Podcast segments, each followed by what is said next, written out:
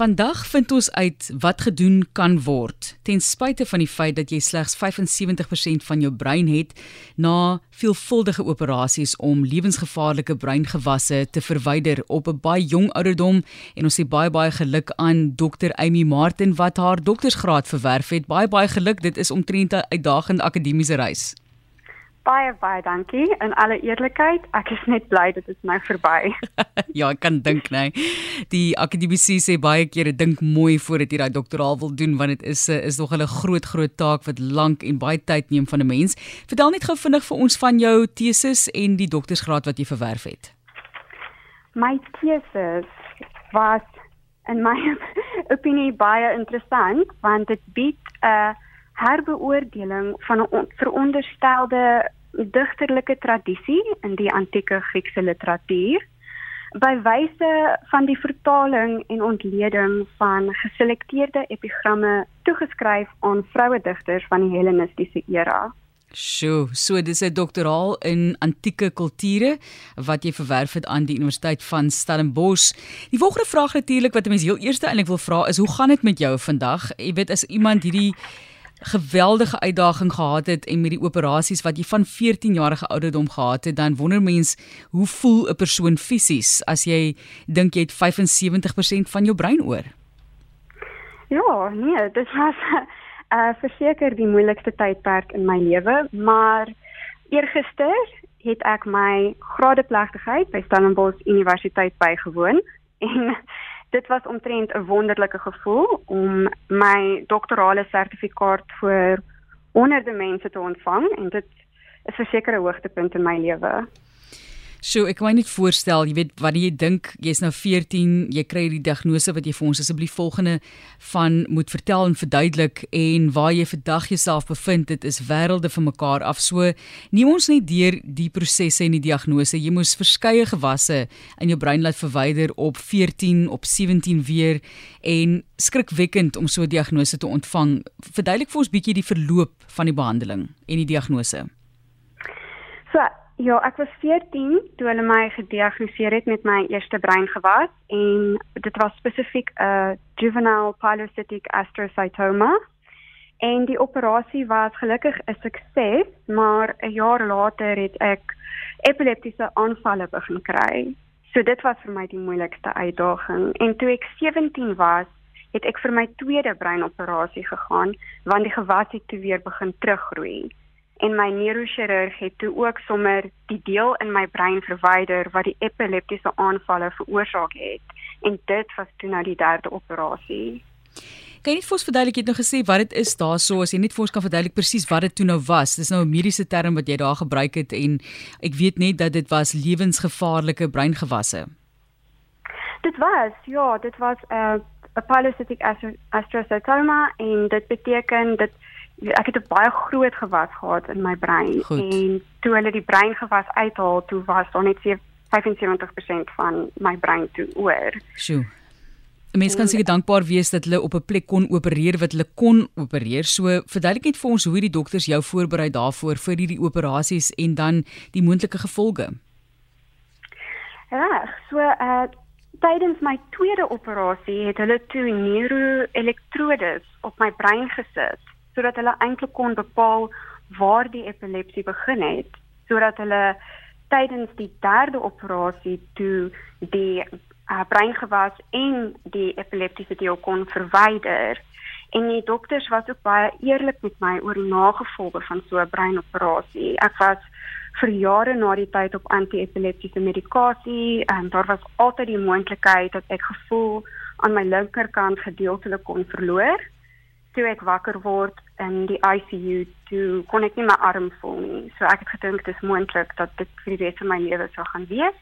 Maar ek moes vir fisioterapie gaan om weer normaal te loop en om weer um, my linkerarm te kon gebruik. So ja, so die mediese het vir jou gesê van die moontlike effekte in die fisiese funksionaliteit en breinfunksie na die operasies. Nee, verseker, hulle het ook vir my gesê ek gaan van balans af voel en tot vandag toe voel ek baie van balans af. Ek het tot 'n mate belemmerde mobiliteit aan die linkerkant. Ek het ook ehm um, belemmerde spraak en konsentrasie gehad, maar dit is vandag baie baie beter en dit is ook een van die redes hoekom ek alhoewel ek my bestuurslisensie gekry het, ek nie gereeld bestuur nie. Ja, bekommernis daarso, né?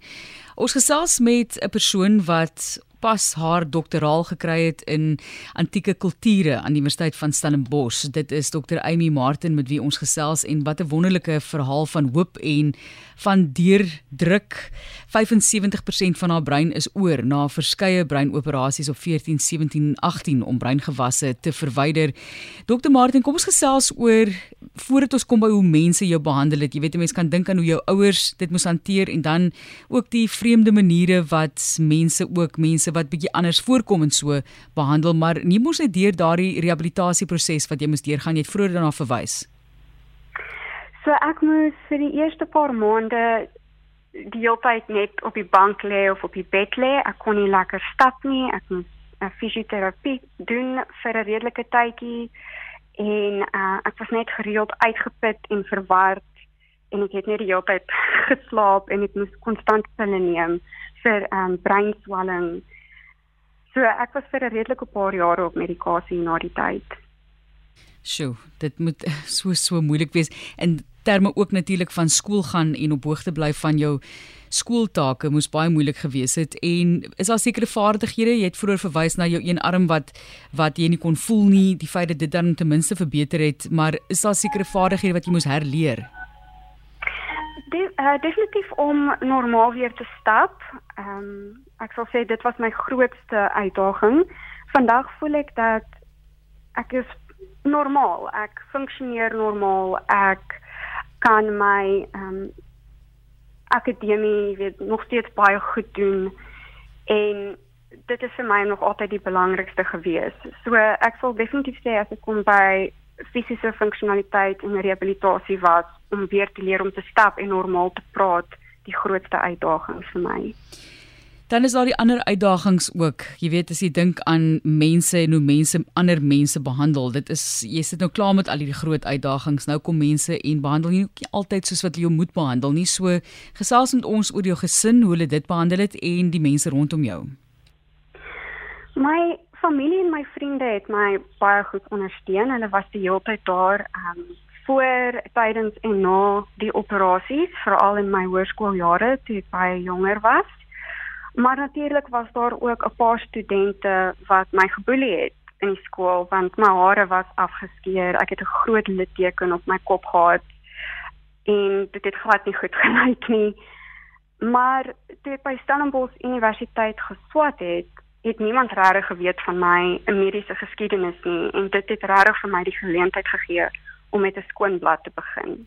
Sjoe, ek wil amper sê kry daai boelies jammer, want wat wat dryf jou om iemand in so 'n situasie te boelie? Ek kan sal dit nooit verstaan nie sê ek vir jou. Maar dokter Martin, mens kyk na die toekoms ook hier. So wat lê vir jou voor in jou loopbaan? Wat beplan jy om te doen met hierdie doktoraal? So ek is nog nie heeltemal seker nie. Daar is die moontlikheid van 'n postdoc. Ek gaan miskien aansoek doen daarvoor. Maar ek wil ook graag weer oor see gaan werk. Ek het ehm um, vir 'n paar jare in Suid-Korea gewerk en ons klas gegee en ek het dit verskriklik baie geniet want dit gee jou die uh, geleentheid om meer te toer en meer van die wêreld te sien. So ek wil graag weer die geleentheid hê om dit te doen.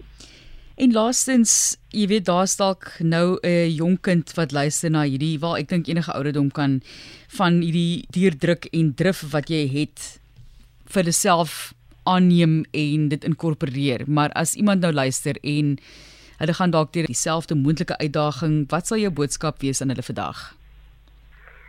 So ek wil sê ek het die verkeerde ding gedoen deur vir myself te sê ek moet sterk wees en ek moet net oor dit kom en aanbeweeg met my lewe en ek glo dat dit is nie die regte ding om te doen nie. 'n Mens moet letterlik net kyk na jou situasie en besef dat die lewe is moeilik en moeilike dinge gebeur en die beste ding wat jy kan doen is om dit net head on te face. As ek dit so kan stel, dis So ervaar daai emosie, moenie net altyd maak asof jy okay is nie. Yes, dit is wat iets wat ek altyd gedoen het en dit het nou sukkel ek baie keer omdat ek dit nie toe gedoen het toe ek jonk was nie. Ja. So daar's geen fout met ehm um, aanvaar wat jou situasie is en baie keer ehm um, te voel dat dit net te veel is om mee te cope nie. Ervaar jy 'n tipe van sekondêre trauma, dink jy?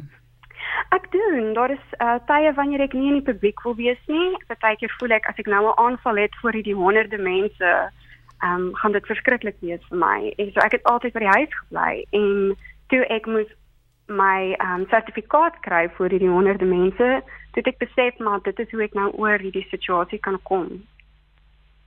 Kry jy nog steeds baie aanvalle? Ek weet mense is al het al wegbeweeg van daai woord af, maar ervaar jy dit nog steeds? Ek is baie gelukkig. Ek aanvaar dit nie meer nie. Nee, dit het dit gaan nie meer al die pad soos ek val nie meer om en ehm um, weet raak siek en verloor heeltemal um, my konsentrasie nie. Wat nou gebeur is dat ek voel duiselig vir 'n oomblik en ek voel 'n bietjie naar en ek voel te mekaar dan weet ek ek het 'n epileptiese aanval het begin, maar as gevolg van die operasies kan dit nie verder gaan nie, nee. Verder gaan nie. So, ja. Dit is ongelooflik hoe mense brein werk en hoe hy ons liggame so graag wil herstel vir ons, wil ek eintlik sê, nê. Dr Martin, baie baie dankie, baie geluk. Ons is so bly jy het tot op hierdie punt gekom en dat jy wel sterk genoeg was om deur te druk en te besluit jy wil nog groot dinge bereik in jou lewe. Ons sien uit om te hoor wat vir jou voorlê. Baie baie dankie. Fantasties. Dit is Dr. Amy Martin wat met ons gesels het hier op 360. Sy het van die ouderdom van 14 tot 17 en 18 breingewasse laat verwyder. En jy kan jy jouself voorstel op daardie ouderdom en sy het 75% van haar brein oor en het haar doktoraal in antieke studies in antieke kulture ontvang aan die Universiteit van Stellenbosch. Baie baie geluk aan enigiemand wat 'n doktoraal kry en spesifiek dan onder hierdie omstandighede.